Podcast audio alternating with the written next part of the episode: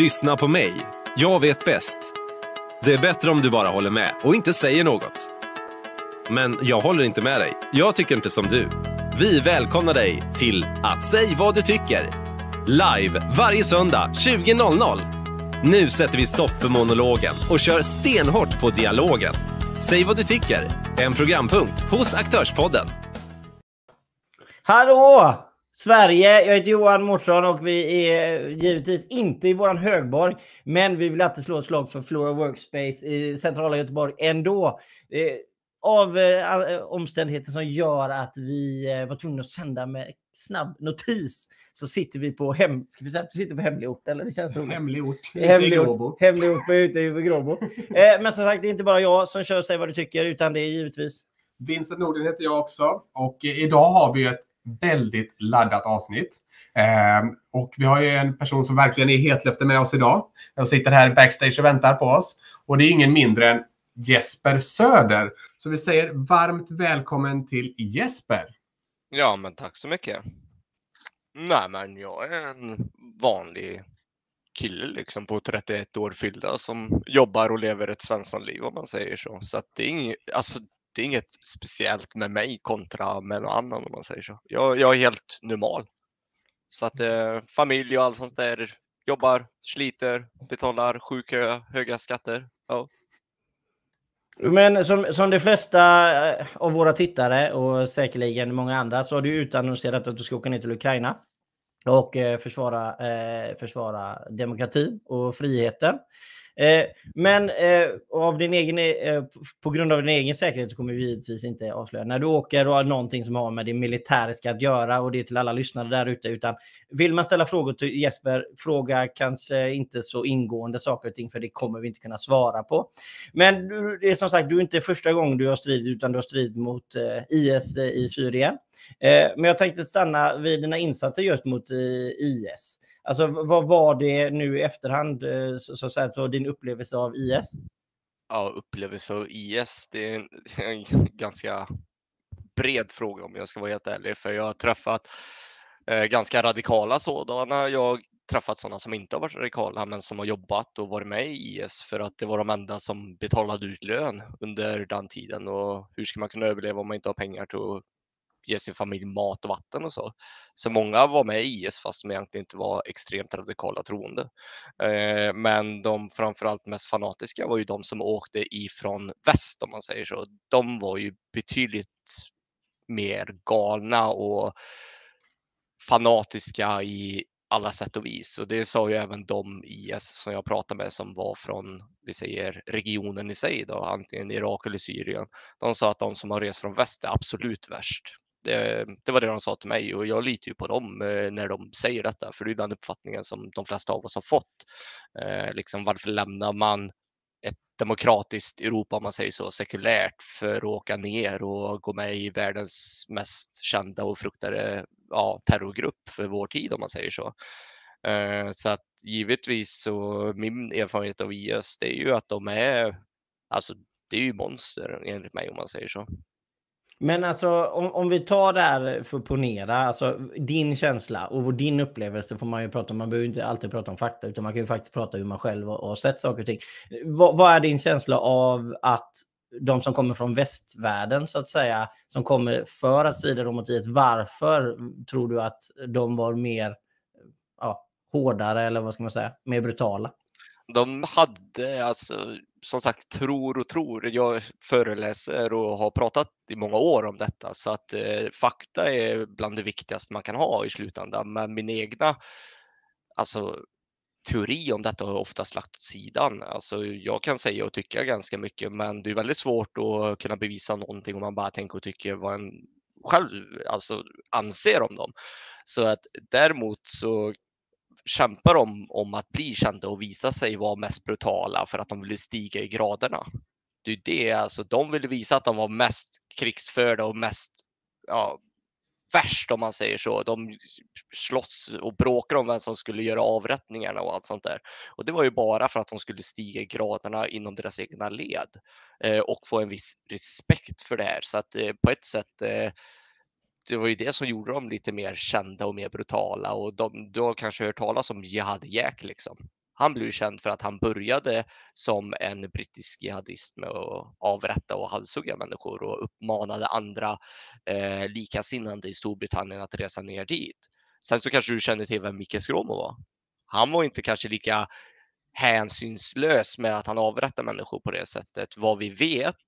Men han skickade ut mängder med propagandavideos om att folk skulle ansluta sig och att de skulle lämna det här Akufarlandet och åka ner och leva liksom drömmen med mera. Alltså, det var ett sätt att rekrytera alltså, genom människor som har väldigt radikal extrema tänk. De vill ju få människor som har likasinnade tankar och åsikter att ansluta sig för att expandera och bli större. Det var ju deras mål. Ta över men sen gå vidare. Alltså det, så vad jag själv personligen tycker, det brukar inte jag svara på, men givetvis är det ju oftast inget positivt. Mm. Uh, och jag tänker så här att uh, beaktat det här, vad, vad hade man för bild innan man åkte ner? Och vad var det som fick en att ta steget till att verkligen åka ner? Uh, jag vet ju att en del från, från andra sidan, så som har valt att ansluta till IS till exempel, det, blev ju rekryterade på detta sätt. Men vad, vad, var det som fick dig att åka ner och vilja strida mot dem? För det är ju inte lika vanligt bland västerlänningar om jag har förstått det rätt som att ansluta sig till IS-sekten på det viset. Mm. Nej, det var det ju inte. Eh, men vi som anslöt oss, vi åkte ner för att vi ville få bort dem här. För jag själv kan ju bara jag ska inte bara säga att oj, IS, äh, vart är de? Där nere, åkte ner. Utan jag gjorde en gedigen research på flera månader innan jag tog och bestämde mig. Samtidigt så hade jag en kontakt som gav mig den viktiga infon och delarna som jag hade missat som gjorde att jag kände att jag vill åka ner och hjälpa till. Eh, och nu har jag faktiskt möjligheten och jag känner mig tryggare med det för att som sagt, det är en helt annan region. Jag har aldrig varit där. Och jag tror det viktigaste är ju i slutändan att man bara bestämmer sig, tvekar man så ska man nog inte åka. Utan det som fick mig, det var att jag ville hjälpa människor. Jag ville eh, stoppa dem, för jag tänkte om vi inte stoppar dem där så kommer de att sprida sig och det kommer bli ännu värre. För det här är ju sånt som man inte ska så titta på hur de expanderar, hur det brer ut sig och hur mer illa det blir, utan sånt här måste ju stoppas. Så jag brukar jämföra dem med om du ser mögel på en vä- eh, på en, i ett golv. Antingen byter du ut brädan eller så får du byta ut hela golvet. Du måste stoppa det innan det blir för stort. Uh, och jag ser att den bästa möjligheten till detta var att ta vapen i hand och strida mot dessa. Men alltså, jag har inte hört talas om någon annan svensk som har anslutit sig för att strida mot IS. Eh, och det blir väldigt, väldigt uppmärksamt i, eh, uppmärksammat i svensk media. Alltså, hur många, var ni, hur många var ni där nere som var från väst och hur blev ni mottagna? Jo, men eh, vi var alltså sammanlagt under de här åren som har varit mellan 2014 till ja, 2018, 19 2019 skulle jag vilja påstå, så var det ju, jag tror att totalt sett så har det varit ungefär 2000 eh, västerlänningar på plats. Helsvenskar vet jag har varit ungefär 5-6. Och jag var den första där. Då. Eh, sen så kom det folk allt eftersom media uppmärksamma och började skriva om detta. Men det var inte först för jag hade den här bilden jag har nu här som profilbild för den enda bild jag hade på min dator här. Eh, det var inte först redan det egentligen när jag blev sprängd som verkligen media började skriva om detta. Mm. Så att det var väl dramatiskt nog för att media ta upp vad som pågick för att jag kunde fortfarande läsa om typ Hanna 28 köpte en Gott och blandat, fick bara lakrits liksom. Eh, medan man var där nere och man tänkte bara, ja men suck ärligt talat. Det eh, finns inget bättre att skriva om så jag började föra dagbok. Jag blev, jag blev så irriterad av de här ilandsproblemen som man själv har levt i och sen få se hur illa folk kan ha det, folk som inte har någonting och helt plötsligt så kan de ändå infinna sig i det och vara positiva trots att anhöriga till dem kanske har dött eller att de har förlorat hem och allt möjligt och har inte mer än kläderna på sig. Så kan de även måna mig som västerlänning att är det en potatis kvar, då ska jag ha den. Och fan ta mig om jag inte tar den. Liksom. Det är, eh, respekt gentemot västerlänningar som åkte ner dit det är ju helt ofattbart. Alltså jag har aldrig träffat så mycket givmilda och goda människor som jag har gjort i Mellanöstern. Det kan jag ärligt på med hela mitt liv så är det också på att eh, allt handlar om respekt och så. Eh, det fanns ingen ungdom där nere som betedde sig illa utan alla var artiga och snälla. Så att jag pratade lite med folket där nere, men hur kommer det sig att i Sverige så är det jävligt många ifrån här som svär varannan mening, säger detta, detta och så de sa bara ah, haram, haram, så får man inte bete sig. Och de trodde inte på mig. Men jag, så satt vi och pratade om det här med kriminalitet. Vad händer om man gör så där? Alltså det, man lärde sig så mycket att det är ingen som vågar göra något där nere för att straffen där är så jävla hårda. Men eh, så vi pratade lite så här hur Sverige var här. Det var mycket skjutningar, det var mycket problematik, mycket eh, våldtäkter och det var mycket sånt här vi pratade om. Alltså i och med att jag hatar grova brott, att det känns som att vi tar inte det på seriöst allvar. Nu känns det som att vi byter ämne helt och hållet där, men man lärde sig mycket på plats genom att man pratade med människor som levde där och det var nyttigt för mig. Eh, så vi bytte liksom erfarenheter av våra liv och så. Sen så pratar vi mycket gott om Sverige, hur vi har här och hur allting var och att eh, Sverige är ett väldigt fint land och det är inget krig och det är alltså underbart och man får hjälp och sånt där. Ja, det visste de att man får mycket pengar och så här. De trodde att de skulle få tusenlappar bara de kom till eh, Sverige och en ny bil och lägenhet, för det var det de hade hört där nere. Så att jag hade mycket tid att prata om det här när jag blev skadad och sprängd av mina. Då. Så då hade jag inget val än att sitta på sjukhuset och snacka med människor. Fast jag kanske inte var jättepepp på det i början kanske. Mm. Eh, och det här väljer ju själv om du vill gå in på lite mer. Eh, jag tänker att eh, finns det någonting som du skulle vilja delge från den händelsen där kring som vi ser på bilden? Eller är det Jo, men det är, det är nog inga konstigheter, utan vi gjorde en nattoperation eh, utanför Suluk eh, under den här stora våroffensiven som skedde från april 2015 till augusti 2015. Eh, där tog vi 125 000 kvadratkilometer ifrån IS som vi ockuperade och tog tillbaka liksom. Eh, och det är Gotland gånger sex för er som undrar hur stora ytan är. Det tog vi på ungefär cirka fyra, fem månader. Så att det var ju varannan dag, var tredje, varannan dag, ny by, ny stad, nytt område, rör på er hela tiden. Och vad gjorde IS då? Jo, de lämnade en jädra massa miner och bomber efter sig och retirerade. Det var därför också det gick så snabbt. Så att de bara grävde ner en massa bomber, gjorde i princip reträttoffensiv eller vad kallar man det? Feg taktik kanske man borde säga egentligen. Då. Eh, och då var det att vi oftast gjorde operationen mitt under natten och vi ser ju inte någonting för det är ju knallmörkt i öknen. Det är inte så att vi går med ficklampor liksom. Här ska vi göra nattoffensiv utan vi går ju för överraskningsmoment. Och då blev det i slutändan då att eh, så fort vi hoppade av våra bilar, vi började traska i typ ett led eh, på ungefär 25-30 man. Eh, blandat med kvinnor också måste man ju tillägga i och för sig. Eh, och eh, efter bara ett fåtal meter så trampade min eh, kamrat och eh, mitt befäl och han som skulle vara min mentor trampade på en hemmagjord eh, improvised explosive device, alltså en IED och jag var ju bara några meter ifrån så att jag får ju all det här jävla splitter på mig. Det var ju en antipersonmina i princip då, så de är ju meningen för att lemlästa och skada, inte för att döda. Men i värsta fall så händer det ju. Men det var så kraftigt eftersom det var hemmagjord också så att eh, han, han flög upp i princip i luften och det, allting hände med ett fingerknäpp i princip. Det enda jag minns var att jag drar upp min högerarm och gör en piruett och landar typ i missionärsställning på en kvinnlig YPJ-soldat. YPJ är den kvinnliga grenen av den kurdiska milisen.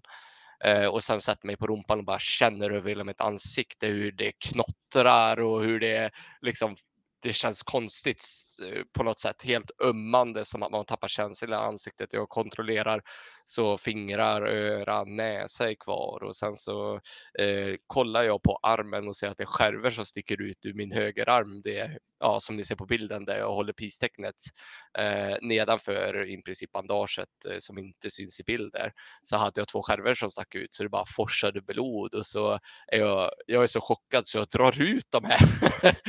och det, det kanske man inte ska göra så gör inte det utan jag drar ut dem och ja, för folk som läser medicin så är det ju här det värsta man kan göra. Jag skulle bara låtit dem sitta kvar där som två pinnar liksom. Eh, så att det börjar forsa ännu mer blod. Eh, och sen så skriker ut liksom eh, Sagros som han hette, han som trampade på minan. Då. Eh, och det skulle jag inte heller gjort, men eh, man fick en sån adrenalin och man blev så orolig så att man, ja, vad mer, då vet jag att vi är där, då har ju sprängts. Det är väl inget jag skriker egentligen. Men eh, det, det, var bara traumatiskt eh, för att det var, jag hade varit där en och en halv månad när det hände och jag blev varnad liksom, akta er för bomber, miner, bomber, miner. Man tog inte det riktigt på allvar, eh, men eftersom hela landet är en enda stor sandlåda så är det klart att de gräver ner det ganska så lätt. Då. Eh, så jag blev väldigt traumatiserad av eh, just minan, bomben och allt sånt där. Så att jag blev riktigt traumatiserad. Så jag vågade inte gå någonstans. Eh, efter jag kom ut på sjukhuset och det är ju jävligt jobbigt med tanke på hela jävla landet nästan är som en öken, sandlåda. Eh, så jag hoppade typ på stenar och grejs i början och gick på asfalt och ah, folk måste ju tänkt att jag var dum i huvudet liksom. Där. Men eh, det, ja, jag, jag var grovt traumatiserad efter det faktiskt. Det måste jag påstå, men det försvann med tiden. Det gjorde det. Det var första veckorna som det var lite extra jobbigt. Men tanken på allting som du varit med om där nere, alltså eh, människor som har skadat sig och dött och allting som har hänt. Eh, när du kommer tillbaka till Sverige då, när du väl har varit nere och stridit mot IS, kommer du tillbaka till Sverige och så ser du att människor som har varit nere och stridit mot andra sidan, alltså för IS, kommer tillbaka till Sverige eller familjer eller vad, vem det nu kan vara och så kommer de tillbaka hit och så får de ingen reprimand överhuvudtaget. Eh, v vad tycker du om det och vad, vad hade du hellre velat att skulle hända? Eller vill du att något annat skulle hända? Nej, jag hade inte förväntat mig i landet mellanmjölk något annat faktiskt om jag ska vara helt ärlig. Men det gör mig riktigt så här förbannad. Men man kan inte straffa någon när det inte finns lagar och regler som kan tillämpas på just den personen. Eh, vid det här tillfället trodde jag, men det finns ju det. Sån, samma lagar som har använt för att leta efter krigsförbrytare efter andra världskriget. Så det finns sådana lagar, men Ursäkta, jag måste bara hosta. Jag har varit lite förkyld där. Men eh, det finns alltså regler man kan tillämpa för att få fast de här, framförallt för krigsbrott, eh, krigsförteelser. Eh, och det gjorde Ulf Boström en anmälan på. Han är integrationspolis i Göteborg. Han gjorde en anmälan tillsammans med Edvard Nordén och Magnus Norell som är terrorforskare på alla de här 150 plus återvändarna eh, en gemensam anmälan på alla dem för eh, krigsbrott med mera. Eh, den lades bara på hög fick jag reda på. Men det är givetvis att jag blir förbannad för att det här är människor som på ett eller annat sätt i den grad vad de nu har gjort som är väldigt svårt att bevisa för alla är ju väldigt snabba med att uttala sig om att man har jobbat som ambulansförare, bagare, frisör. Liksom. Det måste varit jädrigt lukrativt för det är betydligt fler bagare och ambulansförare än vad det är sådana som har eh, faktiskt varit aktiva och stridit där nere. Vilket är konstigt nog. Eh, så att det är ju bara bullshit. Liksom. Det handlar ju om att du kan inte åtala någon för ett brott som inte var olagligt samt om du skulle kunna åtala någon, vad finns det för bevisning? Alltså, det är väldigt svårt. Så därför är det bra att de här lagarna som kom 2019 där i mars med att det är olagligt att tillhöra eller stödja eller supporta en terrororganisation existerar. Det, det, måste jag säga, det är väldigt bra. Eh, men allt innan det är ju preskriberat i princip så att du kunde åka i princip till Mellanöstern. Eh, ja, vi tre skulle kunna göra det. Vi går med i IS liksom. Vi tar och halalslaktar lite folk och vi gör det värsta, våldtar så länge det inte går att bevisa eller det finns foton på det så i princip kan du inte få några repressalier för det utan tvärtom. Du kunde säga att du var traumatiserad och att du blev lurad och sen få skydd av staten. Alltså lägenhet, bostadsförtur. Fattar du hur förbannad jag var det ett tag? Så att det är klart att jag blev från att vara den här lite mer lugnare Jesper till att bli lite mer förbannad och irriterad att inget hände. Och eftersom jag debatterade ganska flitigt där och skapade opinionsbildning under flera år och det känns som det bara blev värre och värre och värre och ingenting framåt det gjorde mig irriterad. Mm. Eh, så givetvis kändes det som ett bakslag. Eh, det, det ska man inte gå underfund med och jag tror om jag ska vara helt ärlig att ingen av svenska folket nästan tycker väl att det här heller är så bra. Eh, det hoppas jag inte i alla fall, för då undrar jag vad fan man åkte ner för egentligen. Men eh, någonstans det här moraliska, vad som är rätt och fel. Den kompassen har de flesta av oss, men lagarna verkar inte ha det på ett sätt om ni förstår vad jag menar. Att det är sånt som egentligen borde vara självklart att straffas för är inte alltid det. Och det gjorde mig också lite så här fundersam. Varför påskyndar vi inte och fixar det här? Alltså vi är ju väldigt snabba på att höja skatterna. Det tar ju bara en dag efter man kommer på den här grejen. Eh, men när det kommer till lands säkerhet och så, där är det inte lika prioriterat. Det är så jag kände. Det här är bara mina egna analyser så att ni får ta det som ni vill. Liksom. Men det, det är så det i alla fall kändes. Och det, man kände som vilken sida står vi på? För om vi inte är emot terrorister, då är vi också för terrorister. Alltså det finns ju ingen neutralitet när det kommer till kamp mot terrorism. Antingen är du för eller emot, det finns inget mittemellan. Och någonstans, om du är mittemellan, då är du faktiskt på ett sätt också för. Mm. Så att eh, jag förstår ju varför de vill tillbaks till Sverige, för vi är ju ett land som är väldigt generösa på ett sätt gentemot alla människor. Vi är väldigt mycket för människors frihet och att alla ska få en andra chans i livet. Alltså, absolut, det är vi. Men förtjänar alla det? Det är det man kan ställa sig en moralisk fråga och det beror på vad man själv har för åsikter och tankar. Det är väldigt individuella tankar det här om jag ska vara helt ärlig. Så det betyder inte att det jag säger är rätt någonstans. Eh, men jag tror ni förstår min poäng i alla fall kanske. Jajamän, och det är därför som vi har med dig också och vill gärna höra dina tankar som har den erfarenheten och varit nere där. Och jag tänker att vi ska gå över på eh, ett väldigt aktuellt ämne också, Ukraina. Eh, och jag tror att det är många som sitter och kollar här, väntar på också. Du har ju bestämt dig för att åka ner och eh, strida mot de ryska trupperna som invaderat Ukraina. Hur kommer det sig att man fattar det här beslutet? Är det på samma grunder som eh, beslutet med att åka ner och strida mot IS? Nej, eh, det här jag, jag ska bara rätta lite formuleringar. Jag åker inte ner mm. för att strida mot ryssarna. Mm. Jag åkte ner för att strida mot IS för att det är ett offensivt krig. Man var tvungen att strida bort dem. Jag åker ner här för att försvara Ukraina. Och att försvara Ukraina här i det här fallet handlar inte om att jag tror att vi kommer vinna. Inte någonstans, utan det handlar om att försvara för att ge civila tid att fly. Det är vad jag tror. Den enda lösningen på den här krisen är att Ukraina får antingen den hjälp som de behöver på riktigt, inte bara sanktioner och sånt där, utan att väst verkligen går in. Men det kommer aldrig ske. Och det förstår jag varför. Det behöver man inte vara en eh, mattesnille för att räkna ut, utan det är ju att Putin besitter kärnvapen. Så enkelt är det. Det finns en rädsla för detta och den är helt befogad och jag förstår den.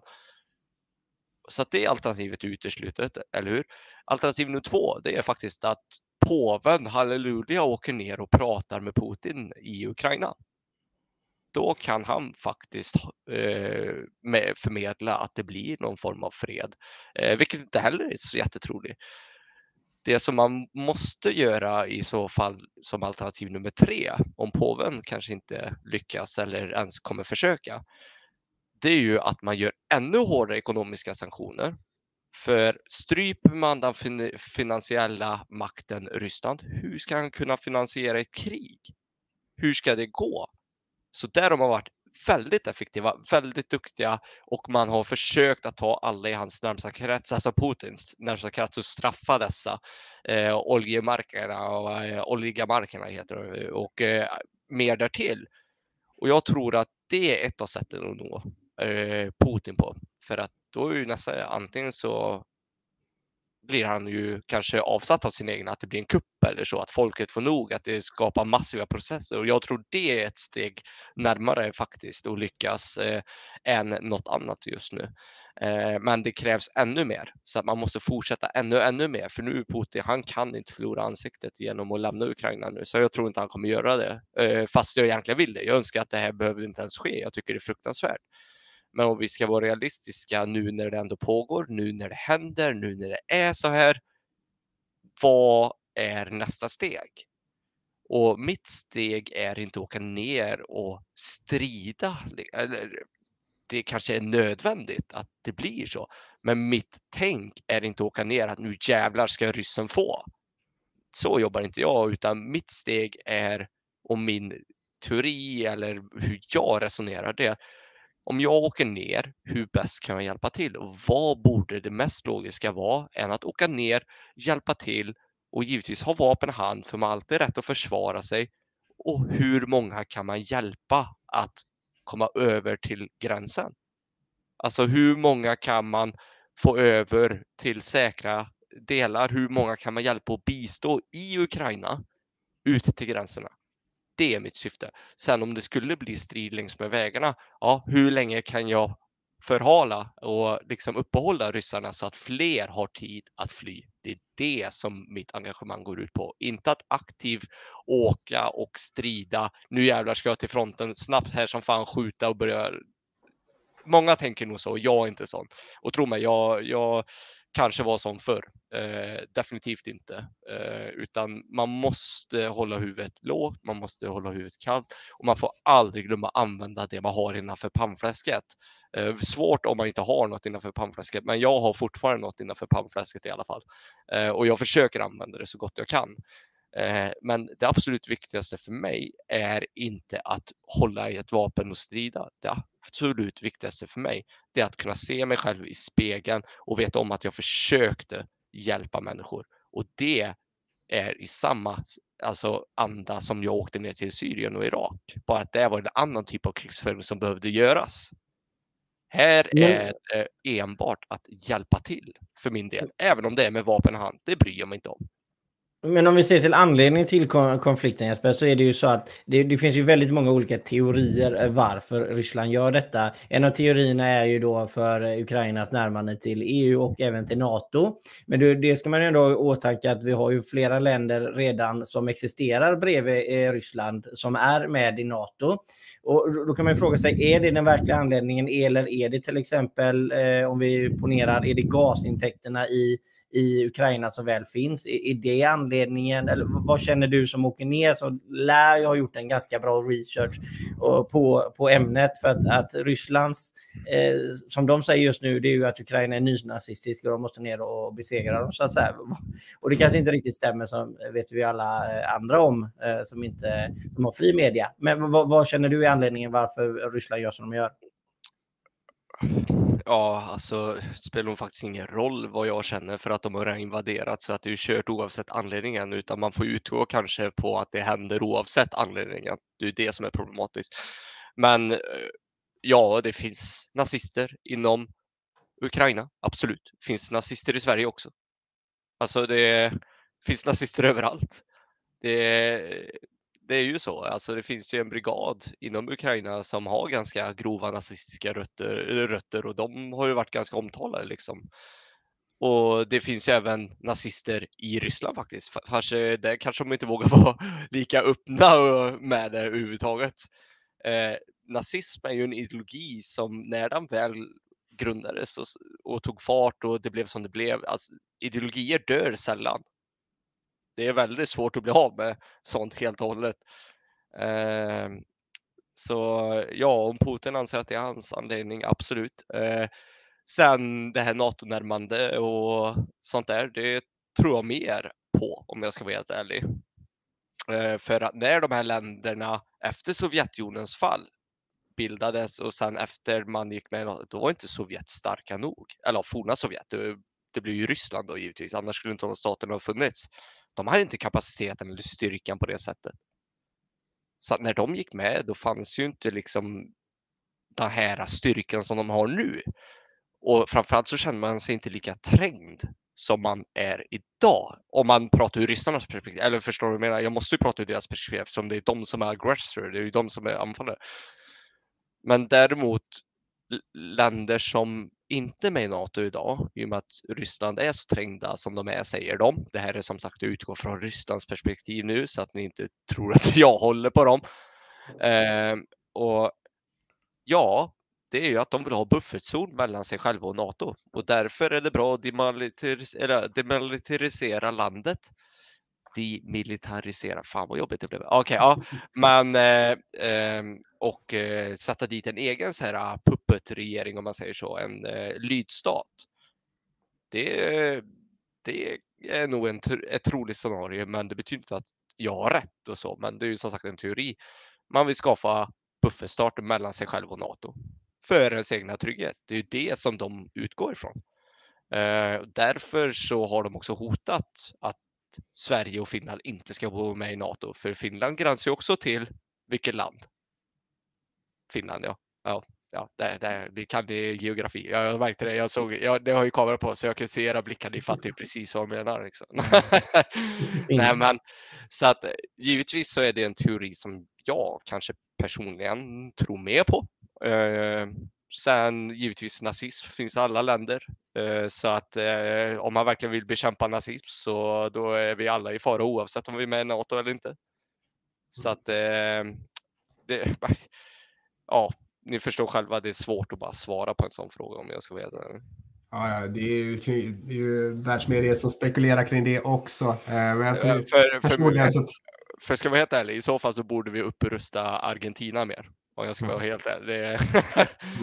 ja. Nej, men jag, jag, jag, har ju personligen svårt att tro att eh, det är något annat än en eh, någon anledning som man blamear på att kunna gå och göra så i och med att vi ser 2014, det är ju då man börjar med den mer intensiva propagandan och, eh, mot eh, Ukraina också när man då får bort sin, eh, sin vän på posten i Ukraina. Eller som man kan styra till ett större grej. Men har, vad är din uppfattning om hur läget är just nu? Det förvärras ju var, eh, varje dag som går och hur mycket är Eh, hur mycket tror du att Putins beslut har stöd hos den ryska befolkningen? För vi ser protester eh, varje dag eh, i princip också, trots att det är förbjudet. Att jo, och ska vara helt ärlig, det, jag tror att protesterna mot Putin är betydligt större än vad man vågar att visa.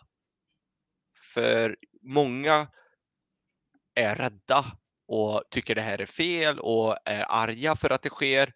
Många ryska mödrar förlorar sina eh, söner just nu och de vet inte ens om det. För alltså, jag är nästan övertygad om att protesterna i Ryssland är betydligt större, eh, existerar i större utsträckning, men man vågar inte gå ut för då blir man ju gripen i princip. Eh, så att jag, jag är nästan övertygad om att protesterna i sig är betydligt, betydligt större än vad man ser. För jag, jag tänker så här. Demonstrationer som sker i Sverige. Alla kan inte närvara. Alla bor på olika ställen. Eh, vissa liksom tittar och bara säger framför datorn eller tvn eller ja, det kanske inte visar sig i någon utsträckning i och för sig i Ryssland. Så Knyta man... näven i fickan, det är ju ja, jo, ja, jo, men ärligt talat, vi kan sitta här och vara förbannade. Till exempel jag själv, det finns vissa scenarier jag kan vara förbannad över vissa saker och bara fy fan vilka jävla idiotåsikter den personen står för. Och sen så när man träffar idioter, eller men tjena hur är läget? Alltså man, man skiter alltså. Man knyter där vi fick, ja det är så typiskt oss svenskar och jag gör ju det generellt ganska mycket också fast jag vet att en person kanske inte står högst i rang i mina ögon generellt för av olika anledningar. Det kan vara vad som helst liksom. Alltså om man inte är överens så blir det alltid så här spänd stämning. Eh, och ibland, vissa går inte att prata med och vissa kanske man inte borde prata med för att det kanske bara blir värre. Men vi är väldigt tålmodiga. Det måste jag säga. Vi, även vad vi tänker och tycker. Alltså, tänk alla de tusentals, hundratusentals svenskar som egentligen tycker jag är dum i huvudet som håller på med det här. När de träffar mig, bra att du gjorde detta. Nej, men, nej, men förstår du? Alltså, man, kanske ger ett sken av vad man tycker i ja, privata delen, men när man väl träffar folk utanför så kanske man agerar annorlunda. Det är samma som att min tjej liksom ser mig hur jag beter mig i mitt privatliv och jag är ganska öppen med att skämta och skoja och kan jävlas med henne. Men jag skulle aldrig göra det om hon skulle komma och hälsa på mig ute offentligt. Och vi är kanske på, alltså förstår ni, man beter ju sig beroende på hur trygg och vilket, vart man är, om man är hemma eller ute. Så vi är väldigt anpassningsbara, men vi håller också näven mycket i fickan och knyter. Eh, det kan ryssarna inte gör på samma sätt. Alltså, de kan inte uttrycka sig. Det är det jag vill komma fram till på samma sätt med missnöje och så, framförallt inte med demonstrationer som vi har demonstrationsfrihet egentligen i Sverige. Eh, och gör de det, då riskerar de du att bli misshandlade och att eh, ja, åka i fängelse med mera, kanske ännu värre, jag vet inte. Så ja, precis. Jag... Nej, men det är ju groteskt. Men jag vill ha din take på en sak eh, Jesper. Vi säger nu att eh, du är nere i Ukraina. Eh, ni, är, ni är under hård beskjutning. Det smäller, det är hårt, det är riktigt illa. Eh, och, och det, jag, om du lever in dig in i den situationen och så, så, hade jag kommit till dig då så hade vi sagt paus och så hade allting pausat. Så hade jag kommit till dig Jesper. Så jag sagt, gör vi tillräckligt mycket? Gör världens nationer tillräckligt mycket? Vad hade du svarat på det då? Vilken jädra bra fråga. Eh, kan du upprepa så jag får tid att tänka? Nej, men alltså, ni, ni, du, alltså ni, du, du är under försvar. Eh, Ryssland attackerar hårt er position. Eh, ni har inte mycket kvar av era styrkor och eh, ni har civila mål bakom er och ni håller på att försvara linjen. Under den här otroligt hårda beskjutningen, det kommer beskjuts från mark, det kommer eh, granater och det kommer eh, flygplan ovan och det helikoptrar. Det är alltså en riktigt, riktigt hård attack. Så under den eh, sekunden så hoppar jag in där som gud så pausar jag eh, tillfället. Så frågar jag dig så här Jesper, gör världen tillräckligt mycket? Vad hade du svarat då? Ja, på ett sätt och på ett sätt inte. Hade man gjort tillräckligt mycket tror jag så hade man nog stoppat det här på ett sätt. Eh, hur kan inte jag svara på. Alltså, det, det hade nog varit mer lämpligt i dig om du är Gud faktiskt. Men jag, jag förstår vad du menar. Eh, jag, jag har inte de svaren och det tror jag inte någon har. Eller i så fall skulle jag vilja veta det, för då borde man ju kunna lösa det om det finns ett svar på hela grejen. Och i och för sig, det finns ett svar, det är att man går med på Putins krav, men seriöst. Alltså det är klart det finns ett svar på det. Det handlar om hur villiga är man att gå med på dem. Någonstans måste det finnas någon rims och alltså enighet och man måste hitta någon kompromiss och lösning. Och det var det man försökte göra, men det gick ju inte så jättebra. Och då blev det att det är som det är. Så att, ja, jag, jag, måste, det... jag måste fråga en fråga. Det här med att sätta sitt liv, eh, alltså att sätta sitt liv på spel. Alltså, det, det, är ju någonting som eh, vi kanske undviker att fråga, men på något sätt så känner jag att jag måste ändå fråga dig det. Att du sätter ditt liv på spel, du vet att du åker ner eh, för att försvara friheten och demokratin och försvara civila. Eh, Eh, och, men du sätter ju ändå livet på spel. Du kan liksom, alltså det är den ultimata saken att göra. Det finns liksom ingenting mer man kan göra, utan du gör det till 100 procent. Du gör det garanterat upp med öppna ögon. Och, och, och, alltså, och då känner jag så här, vad, vad är känslan i dig? Vad, vad, alltså, vad känner du just nu? innan du väl har kommit, alltså tankeprocessen, tanke, du nötar ju säkert och tänker i situationer och gör dig mentalt förberedd. Men vad, vad, vad känner du? Nej, men alltså jag är ju hinduism. Jag tror ju på reinkarnation och kastsystem, så jag håller på att jobba mig uppåt. Det är ju mitt sätt att komma upp till högre kast. Nej, Nej jag, det, det var tråkigt skämt på min sida. Nej, men jag förstår vad du menar. Det, det handlar inte om att jag... satt och nickade för att jag visste inte, ja, jag kände det. Ifall det inte stämmer så måste jag nicka liksom. Ja, ja jag förstår väl. Det, ja, jag kan också vara ett PK-troll ibland. Nej, men eh, ska vi se. ska vi se, men eh, jo, det är klart man sätter sitt liv på spel. Alltså det, det går inte att komma underfund med. Alltså så är det ju. Men å andra sidan, det är inte det, är inte det som egentligen får stoppa en, att man är rädd på det sättet samtidigt som man ska vara det. Eller förstår du vad jag menar? Att bli rädd för någonting är en naturlig mänsklig känsla. Om du inte känner den känslan, rädslan, då borde du faktiskt nog söka hjälp tror jag. Eh, för att instinkter och känslor är ju en del av oss människor. Och min instinkt säger mig att jag vill hjälpa till. Min rädsla säger till mig och försvarsmekanism, nej men fundera lite till Jesper, det är det man gör. Annars skulle jag åkt efter, ner dagen efter. Samtidigt om jag väl åker ner, det är klart att jag utsätter mig för större risk. Alltså så, så är det ju. Uh, men skulle det hindra mig att jag enbart är vill tänka på mig själv i läget. Nej, jag kan dö, jag vägrar. Nej, de får lida. Nej, men, kan man inte då liksom göra det bästa av situationen och försöka se hur läget är och kan jag göra någonting? Åka, med, åka ner och åtminstone se hur läget är och så ballar det ur totalt. Och det vet jag att det kommer göra. Jag vet att det här är ingen kamp som Ukraina kan vinna troligtvis. Ursäkta alla Ukraina älskar och så det kommer inte gå om inte väst verkligen pushar på med ännu mer sanktioner eller vad vi pratade om tidigare. Alltså, det är en sån övermakt och en sån skillnad mellan Ukraina och Ryssland militärt att det är näst, det, det går inte. Alltså, det, jag har väldigt svårt att se det, alltså strategiskt logiskt sett. Och det är det jag försöker vara logisk på något sätt. Men jag tror om det är så att det kommer gå åt pipan, alltså vilket det kommer göra. Det absolut viktigaste är att köpa tid för civila.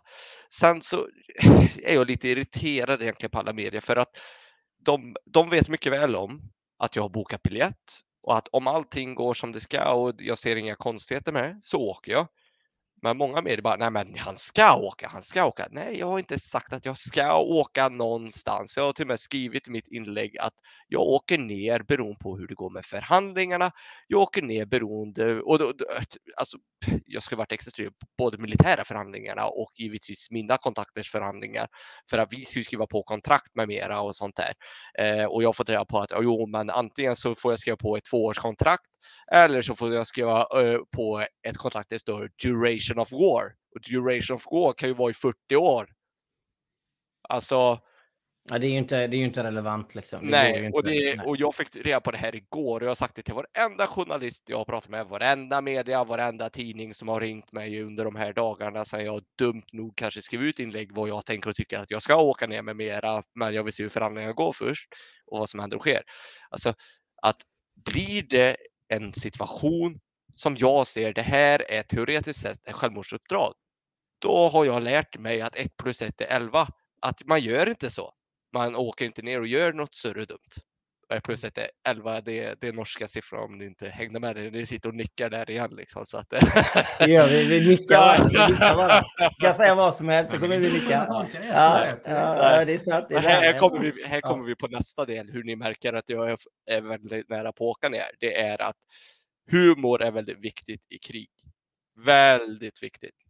Så jag senaste dagarna har börjat förbereda mig på att jag åker ner och det är att man börjar stänga av mentalt. Man börjar liksom bli mer fokuserad och man börjar bli mer att man lär sig och tittar noga. Vad är det som sker i konfliktzonen? Man tar in information, källor från allt möjligt, även om det är konspirationsteorier till ren fakta. Allt möjligt för att allting bearbetas och slussas ut ur hjärnan automatiskt. För vi är så vi människor. Och humor är det när man mår som sämst, jobbigaste situationer, trängda situationer, att man ändå kan sitta och skratta och le och skämta med Det håller en människa från att oftast bli psykiskt sjuk, att man inte blir Eller förstår du vad jag menar? Mm. Det, det, är väldigt viktigt i krigssituationer så att eh, humor är jätteviktigt. Så att jag har ju redan börjat med detta.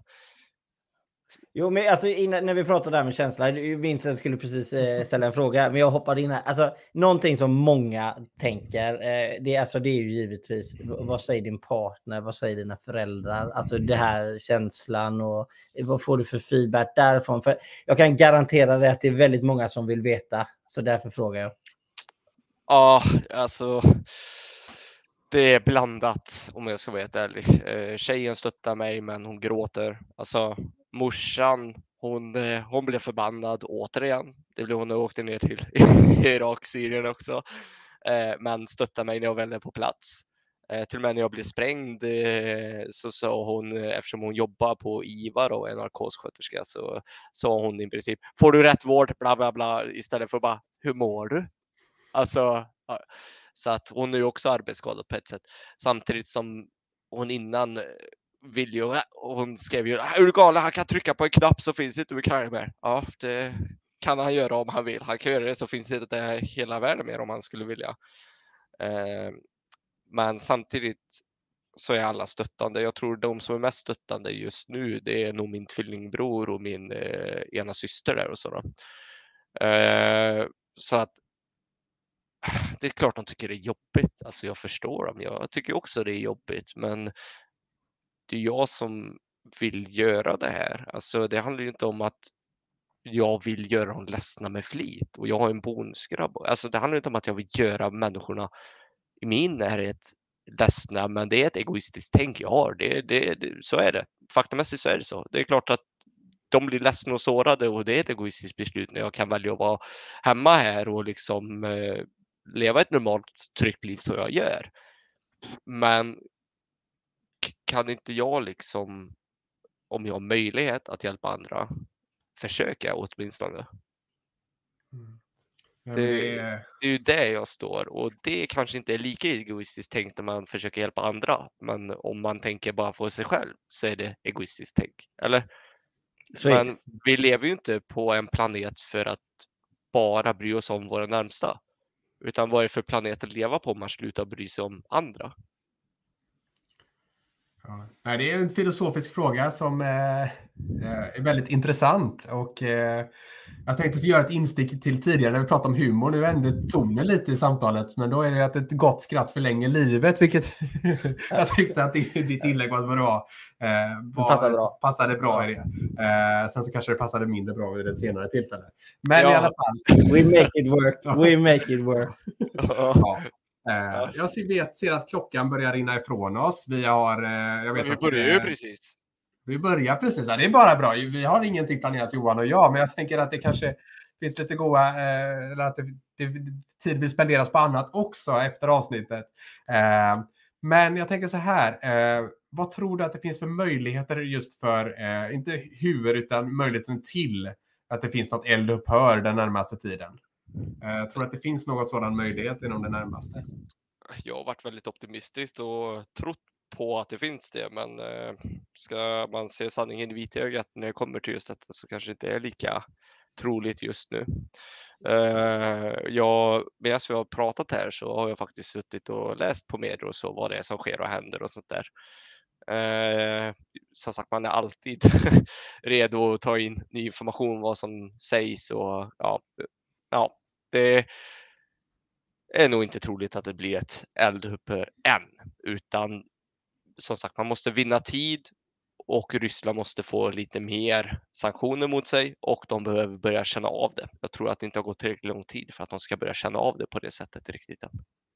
Men nu har du i alla fall en kanal Jesper. Ifall det är så att du vill förmedla någonting, eh, om det blir så om omständigheterna och du åker ner, så är det bara att höra av oss till oss så ska vi sprida ditt budskap i Sverige också. Det vi kan, vi lova. klippa ihop den här biten om just det här att du ska ner, om du vill ha till några medier, så kan vi klippa den här med din förklaring där så har du bara den ljudfilen och länka till journalisten. Det är bara ja, Oj, oj, oj, gratis PR här. Ja. Bra försök, bra försök. Ja, men, ja, det kan ni få göra om ni vill. Jag, jag, jag bryr mig faktiskt inte så mycket utan det är att jag, jag tycker att man borde man borde kanske inte hypa så mycket. Åh, han åker ner. Nej, jag hypar över att jag funderar och troligtvis ska åka ner. Det kanske jag hypar över i så fall. Men Ja, jag, jag, tycker det är stort. Alltså från, e från egen del så tycker jag det är stort du gör. Sen, sen om det blir så eller inte. Jo, men jag har flygplansbiljett det... det till dig med. Johan, du sa ju att du skulle med. Det var därför jag ställde upp här. Ja, ja. Alltså absolut. Jag, alltså, jag kan vara... Nej, men ska inte skoja. Så jag kan vara Human Shield Division. Eh, så jag kan springa framför dig. Eh, nej. Tänk om jag ja. funnits någonstans. Fy fan vad hemskt. Vad tragiskt. Ja, det, Usch. Usch. Ja, nej, men alltså jag, som sagt, jag kan ju säkert eh, prata om kul motståndaren. Eh, eller något. Eh, ungefär där. Jag har min kompetens. Eh, men oavsett, eh, Jesper, jag, vi vet ju att det är många och, som du behöver alltid prata med och umgås med innan, så vi ska inte hålla dig längre. Men jag som sagt från, från min sida vill jag tacka jättemycket för att du har varit med oss. Ja, och samma här på min sida vill jag också tacka jättemycket. Men först har vi en stark tradition här Johan också att innan vi låter gästen lämna så lämnar vi ordet fritt om det är någonting som den vill förmedla eller någonting som den tycker att vi har eh, inte tagit upp eller något som vi har sagt fel eller någonting som den har sista ordet. Tack för mig. Det var bra sista ord. Ja, men det var, det, var, det var bra. Det räcker där tror jag. Det har varit jättetrevligt att snacka med grabbar och eh, faktiskt eh, rätt underhållande också. Så att, eh, lycka till med kommande avsnitt och allt sånt där. Och Johan, planet går i helgen. Let's go! Ja, precis. Ja, precis.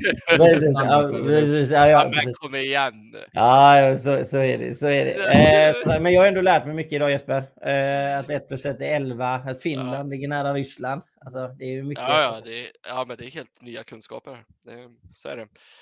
Eh, ja, tack så hemskt mycket. Grabbar. Ja, ha det gott. Ja, ha det gott. Nästa söndag, inte söndag som kommer nu utan söndagen efter. Yep. Ja. Ha det gott. Ha det gott. Hej. Lyssna på mig. Jag vet bäst. Det är bättre om du bara håller med och inte säger något. Men jag håller inte med dig. Jag tycker inte som du. Vi välkomnar dig till att säg vad du tycker. Live varje söndag 20.00. Nu sätter vi stopp för monologen och kör stenhårt på dialogen. Säg vad du tycker. En programpunkt hos Aktörspodden.